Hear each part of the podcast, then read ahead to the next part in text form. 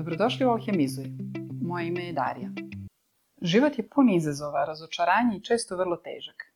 Ali biti žrtva realno i osjećati se kao žrtva dvije su sasvim različite stvari. Danas govorimo o ovom drugom. Iz iskustva znam da niko ne voli da pomisli za sebe da nekada zauzima ulogu žrtve. Isto tako, znam da svi mi nekada zauzimamo tu ulogu, iako toga možda nismo svjesni. Ako na prvi pogled ne možete da se pronađete u ulozi žrtve, obratite pažnju na sljedeće. Da li se često zateknete kako postavljate sebi pitanja koja počinju sa zašto?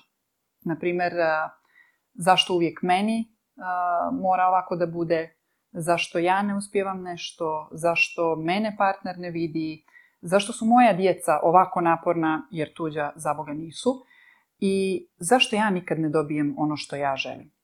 Ste možda često frustrirani i ljuti. E, možda osjećate da situacije i drugi ljudi nisu fair, da vi uvijek potegnete deblji kraj, da ste vi ti koji uvijek sve dobijaju sa mukom i uz napor. Možda ste sami sebi najgori kritičar ili ruminirate često o tome što je bilo prije. Često zatičete sebe kako često uzdišete i sebi u bradu ponavljate ne mogu, ja ovo ne mogu, a ovo je previše za mene. Ako ste se barem dijelom pronašli u nekoj od ovih misli i situacija, koliko god one izgledale različito, velike su šanse da se osjećate kao žrtva mnogo češće nego što biste to možda voljeli i da priznate. Ako mislite da se to nikako ne odnosi na vas, pa pogledajte malo bolje i sigurna sam da ćete naći barem jedan segment života gdje je to istina. To je baš onaj segment za koji ćete reći to je drugo Darija, mm, ne znaš ti mog partnera ili moju djecu, ne znaš ti kakav je moj šef. E, to je to, to je baš to. E, to su ti segmenti života u kojima se osjećamo bespomoćni. Postoji izreka iz jedne od istočnjačkih tradicija koja kaže bol je neizbježan, a patnja je opciona. Što to znači, pokušat ću da objasnim u minutima koji su pred nama. Daću jedan banalan primjer. Prošle zime u sred nekog vrlo intenzivnog perioda za mene, u toku kog mi je ponekad falilo vremena da se vidim i sa najbližim prijateljima i sa porodicom, osoba koju jedva da poznajem me je pozvala da se vidimo. Nakon što sam ljubazno joj ponudila da mi piše o čemu se radi i da ću joj detaljno odgovoriti čim stignem, osoba je nastavila da insistira i ja sam nevoljno pristala. O tome zašto sam pristala na nešto što mi nije bilo okej, i odakle to uopšte dolazi, bit će priča nekom drugom prilikom. Ali ono što mi sada je bitno jeste kako je taj trenutak kada sam se zatekla kako idem tamo, da se sretnem sa osobom sa kojom ne želim da se vidim, odredio nastavak. Dakle, dok sam koračala, primijetila sam kako frustracija u meni raste, kako misli poput e, ljudi su baš bezobzirni, bio je sve glasnije. Ono što je tada uslijedilo, dakle, odlučilo je o tome da li će mi cijeli dan krenuti nizbrdo, e, da li ću se osjećati kao žrtva ili ću se možda osloboditi patnje i frustracije. U tom trenutku sam srećom bila dovoljno prisutna i svjesna da kažem sebi, e, dobro, stani, čekaj sad, znači, što ja sada radim s ovim? Tako je, kako je. E, neću otkazati sastanak u 5 do 12, idem tamo i što sad mogu? Mogu da guđem sebi u bradu što eh, i da stvaram sebi tenziju, jel? što nisam postavila granicu, što se sad to dešava i da samim tim nekako i unesem i frustraciju u taj razgovor koji je uslijedio ili imam opciju da prihvatim ovo kao lekciju za ubuduće, tako je kako je i da u ovu komunikaciju zaista unesem najbolje što trenutno imam. Nije vam teško da zamislite kako bi razgovor tekao, da sam otišla onako frustrirana, a kako je tekao sa ovim drugim mentalnim stavom. Mogla sam da ostanem zaglavljena u mislima da su ljudi bezobzirni i da nemaju granica. Ali za mene je bilo mnogo bolje da prihvatim odgovornost, da nije problem u ljudima koji su bezobzirni, koji insistiraju, bezobzirni je u mojoj interpretaciji u tom trenutku, već je problem u tome što ja nisam bila čvrsta u svojoj granici, a to je srećom nešto što mogu da promenim sljedeći put. To je nešto na što mogu da utičem, što imam pod kontrolom. U prvom slučaju e, izabrala bih da budem žrtva takozvanih bezobzirnih ljudi. U drugom slučaju sam samo osoba koja je naučila jednu važnu lekciju, koju sam srećom platila samo time što sam tih 45 minuta provela ne baš onako kako sam htjela, ali u svakom slučaju na prijatan način. Ovo je zapravo samo nastavak priče o tome kako naš način interpretiranja, o kom sam govorila u prošloj epizodi, utiče na naš život. Mi biramo ulogu žrtve nesvjesno iz različitih razloga. Ali jedan od najvažnijih razloga je odricanje od odgovornosti.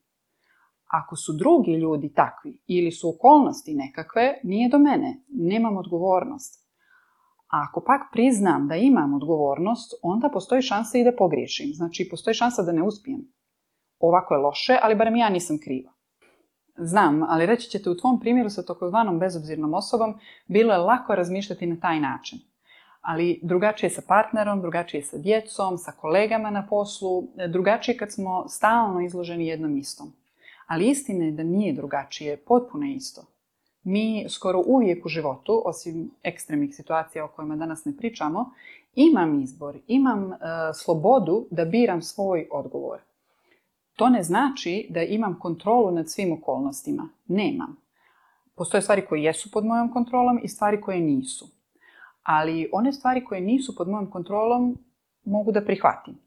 A s druge strane mogu da utičem na one koje jesu pod mojom kontrolom. Znači ja ne mogu kontrolisati okolnosti, ali mogu kontrolisati kako odgovaram na njih. Od toga kako odgovaram na izazove i teškoće zavisi koliko ću biti zadovoljna svojim životom jesam li dominantno u poziciji, ne mogu, previše mi je, meni ne ide, dokle ovako, drugi ljudi su bez veze, dakle u poziciji žrtve, ili sam u poziciji, ovo je teško, ali bit će sve ok. Znači u poziciji u kojoj ne dozvoljavam sebi da se viktimizujem, u poziciji gdje vidim sebe kao snažnu, otpornu, hrabru, fleksibilnu, adaptibilnu. Ako ne želiš da se osjećaš kao žrtva, onda treba da počneš od toga da sebe ne vidiš kao žrtvu. Uvijek mi je bilo interesantno to kako najmanje sebe kao žrtvu doživljavaju one osobe kojima su zaista podijeljene veoma teške karte u životu. Oni kao da nekako bivaju primorani silom prilika da se suoče sa tim da jedino kako mogu da prežive jeste da preuzmu odgovornost za ono što mogu da urade. Kao da odluče da se okrenu drugim ljudima i sebi, nauče nešto o životu iz toga i kao da u stvari alhemizuju te loše okolnosti i nekad čak i pronađu smisao. Svi smo nekako stavljeni pre taj jedan isti izbor. Hoću li da ostanem zaglavljena u frustraciji, u okolnostima, ili ću da uradim ono što ja mogu da uradim sa tim. Nije smak svijeta samo sažalivati se ponekad, dozvoliti sebi tu vrstu zabave povremeno ali realno da li želim da ostanem u tome. Dobra strana vremena u kom živimo je u tome što sve češće govorimo o emocijama, sve češće ih validiramo, sve češće smo ih svjesni i to je ok kao prvi korak. Naprimjer, razočarana sam jer partner recimo ne preuzima korake na onaj način i onom brzinom kako bih ja htjela. Nadala sam se da će stvari biti drugačije, da će se odvijeti na određeni način, ali nisu. I dakle, ok je sebi reći, baš bez veze, baš sam se razočarala, nisam ovo priželjkivala, ali želim li ostati na tom mjestu? Je li to sve? Postoji li neki drugi korak posle toga? primjer, da kažem sebi, vidi, moj partner je super tip i znam da me voli. I pokazuje to na načine koji su drugačiji od onoga što su moji jezici ljubavi. On ima druge načine, ali ovo je dobar i vrijedan odnos. A što mi radimo iskreno? E, mi smo skloni da preispitujemo kompletan odnos i ostanak u njemu da zanemarimo, dakle previdimo sve što je dobro zbog toga što nije išlo kako smo planirali. Ili, drugi primjer, možda mislim e, zarobljena sam na poslu koji ne volim, u atmosferi koja mi ne prija, previše radim. U redu, potrebno je empatisati sa sobom, ne praviti se kao da se to ne dešava ili forsirati sebe da izdržavam negdje gdje mi on ne odgovara. Ali nije rješenje ni u zaglavljivanju u toj poziciji. Ok, okolnosti su takve, Sada mi možda odgovara da ostanem na tom mjestu iz xy razloga, zbog visine primanja, sigurnosti, ko zna čega. Neće mi odgovarati dugoročno i evo šta ću da uradim povodom toga. Ovo su moji naredni koraci. Dakle, mentalitet žrtve ne vidi mogućnosti, stvari gleda crno-bijelo, kao sve ili ništa. Otporna osoba, osoba koja ne pristaje da, na ulogu žrtve, uvijek i u svemu vidi mogućnosti.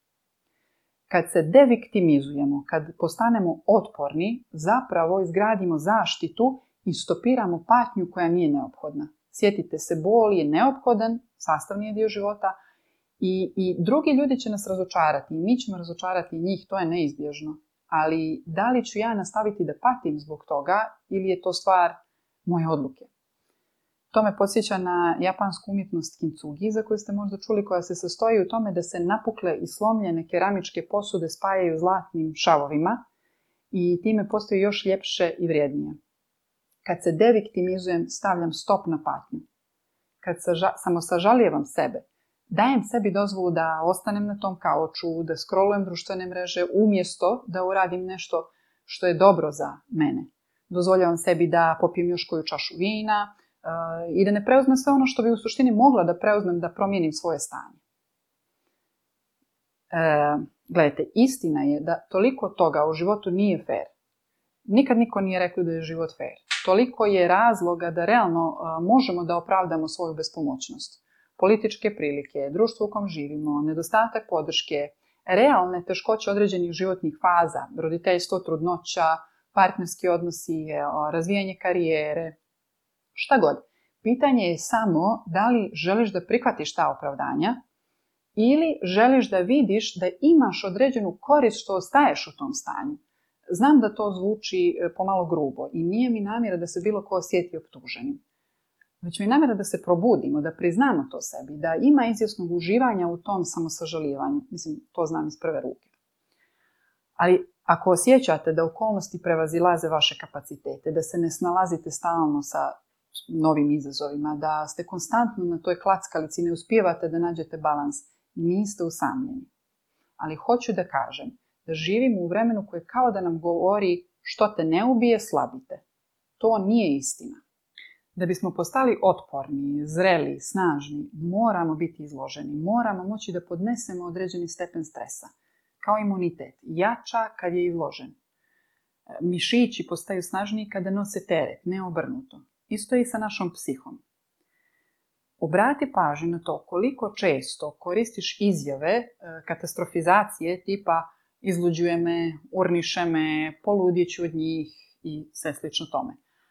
Ako ti, na primjer, ostanak kod kuće sa djecom dok imaju boginje izgleda kao nešto što jedva da ćeš da preživiš ili nešto zbog čega ćeš da izludiš, ili ako zatekneš sebe kako e, ne možeš više da izdržiš što neka osoba tebi nešto radi. Zastani, primijeti to i zapitaj se je li to istina. Je li to stvarna istina? Je li istina da ćeš da poludiš i da ne možeš da izdržiš? Ili ti možda više služi da kažeš sebi ej, ja ću izaći na kraj s ovim, teško je, ali snaći ću se. Ne moram uraditi sve savršeno, ali ja ću to prevazići. Toliko često koristimo vrlo ekstremne izraze za zapravo prilično uobičajene životne situacije. Ali problem je u tome što naše riječi naš mozak percipira doslovno.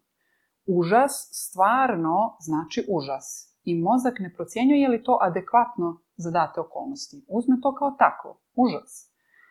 Ako želiš da prevaziđeš ovaj mentalni stav, probaj neku od sljedećih stvari. Prvo, Postavlja sebi male ciljeve koji su lakše ostvarljivi kako bi povratio ili povratila osjećaj da možeš, da imaš uticaj na život. Drugo, okreni svoju pažnju ka drugima. Uloga žrtve podrazumijeva potrebitost. A što smo više potrebiti, što više se kačimo za druge ljude, treba nam da budu tu, veća je šansa da se razočaramo, dok kad mi dajemo drugima, kad smo mi heroji nekoj drugoj osobi, Dobijamo osnaženje i potvrdu da možemo, da imamo uticaj na stvari, na tok sobstvenog života. Treće, napravi listu zahvalnosti. Ona nam pomaže da smanjimo generalizovanje i katastrofiziranje. To je ono mišljenje koje se otkriva u riječima tipa nikad, stalno, ništa, uvijek, stalno ja, nikad meni i tako dalje. Četvrto, zatvori stare rane to će možda značiti da treba da oprostiš nekom drugom, a možda još više i sebi. Peto, preuzmi vlasništvo na sobstvenim odlukama. To može da znači, kao recimo u mom primjeru sa početka priče, da ti daješ dozvolu stvari drugima da se ponašaju na određeni način time što ne postavljaš granicu. Ako ti ovaj video bio značajan, piši mi u komentarima ispod i podijeli ovaj video sa nekim kome može biti važan.